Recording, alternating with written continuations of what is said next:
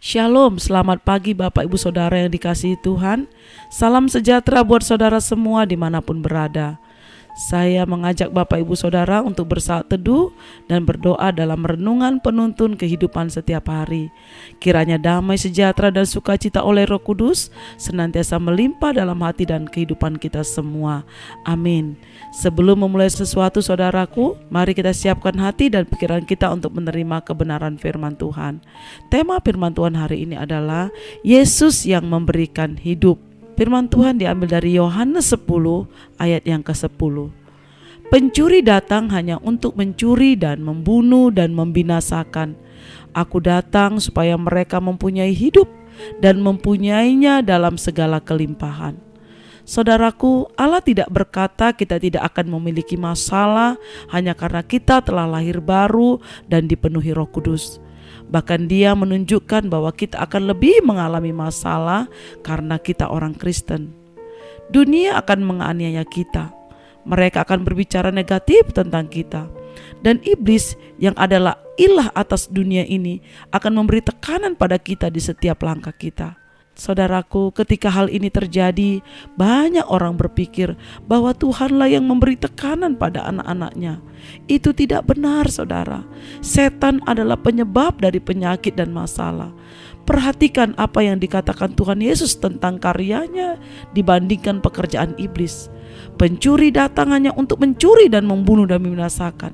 Aku datang supaya mereka mempunyai hidup dan mempunyainya dalam segala kelimpahan.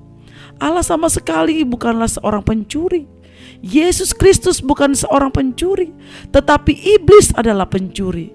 Iblis disebut sebagai ilah dari dunia ini, yaitu orang-orang yang tidak percaya, yang pikirannya telah dibutakan oleh ilah zaman ini, sehingga mereka tidak melihat cahaya Injil tentang kemuliaan Kristus yang adalah gambaran Allah. 2 Korintus 4 ayat keempat. Petrus berkata tentang iblis, "Sadarlah dan berjaga-jagalah.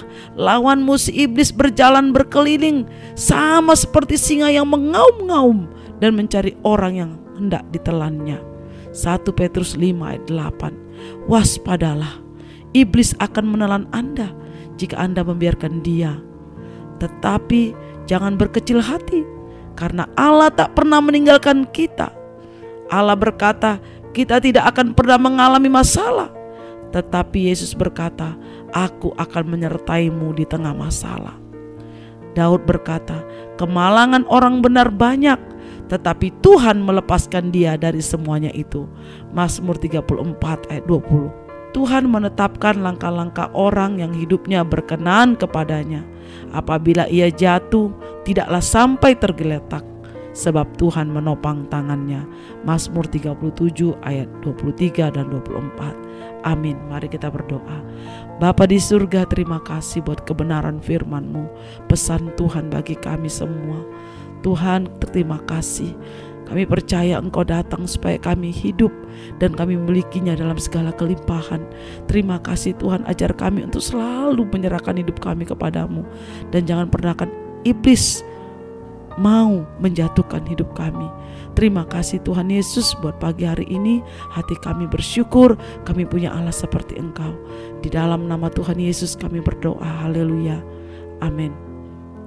Kiranya berkat yang sempurna dari Allah Bapa kita, kasih karunia dari Tuhan Yesus Kristus, dan persekutuan yang indah dengan Roh Kudus menyertai kita semua dari sekarang ini dan sampai selama-lamanya. Amin. Maju terus dalam tuntunan Tuhan Tetap semangat. Sampai jumpa esok hari di penuntun kehidupan setiap hari. Tuhan Yesus memberkati.